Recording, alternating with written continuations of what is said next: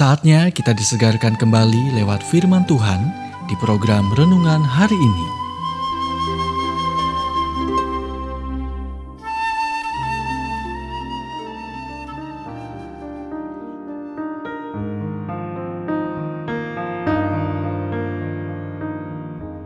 Renungan hari ini berjudul Berusaha untuk Keunggulan bagian kedua.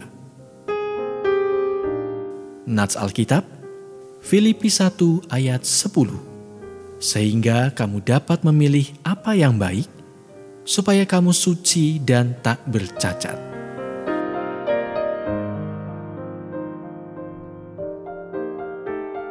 Keunggulan membutuhkan dua hal, waktu ekstra dan usaha ekstra. Ini menuntut untuk pergi di atas dan di luar, apa yang dituntut dari Anda oleh orang lain karena Anda menganggapnya sebagai masalah karakter dan integritas.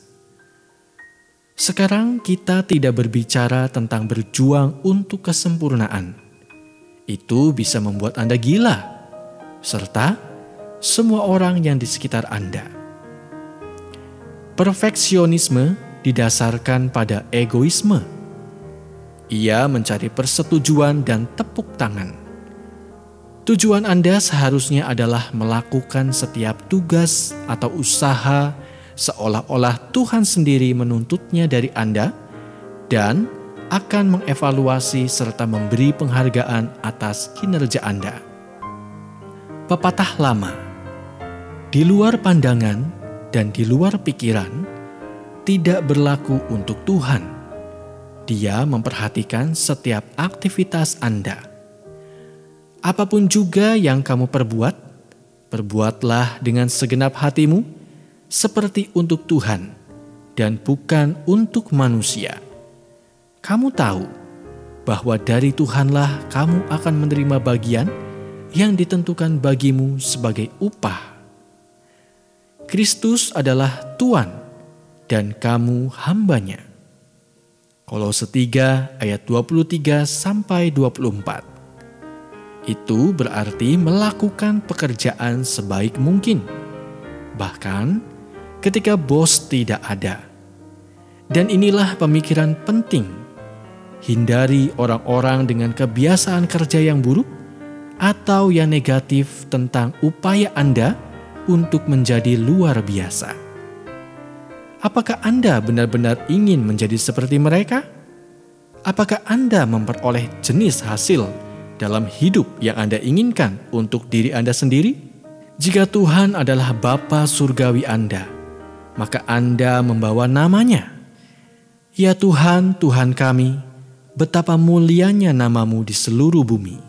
Mazmur 8 ayat 1 Hari ini berdoalah, Bapa, berilah aku keinginan untuk keunggulan dalam semua usahaku Bantulah aku untuk hidup dengan kesadaran yang konstan akan penilaian dan mata kasih-Mu, sehingga aku dapat melakukan segala sesuatu seolah-olah itu untuk-Mu dan bukan untuk manusia. Dalam nama Yesus aku berdoa. Amin. Anda baru saja mendengarkan renungan hari ini. Kiranya renungan ini terus mengarahkan kita mendekat kepada Sang Juru Selamat, serta menjadikan kita bertumbuh dan berakar kuat di dalam Kristus. Bila Anda diberkati, berikan kesaksian Anda melalui WhatsApp di 0817 222 959 atau jika Anda ingin memiliki buku renungan hari ini, Anda bisa dapatkan di Radio Suara Gerasi FM, Jalan Setiabudi 31 Cirebon.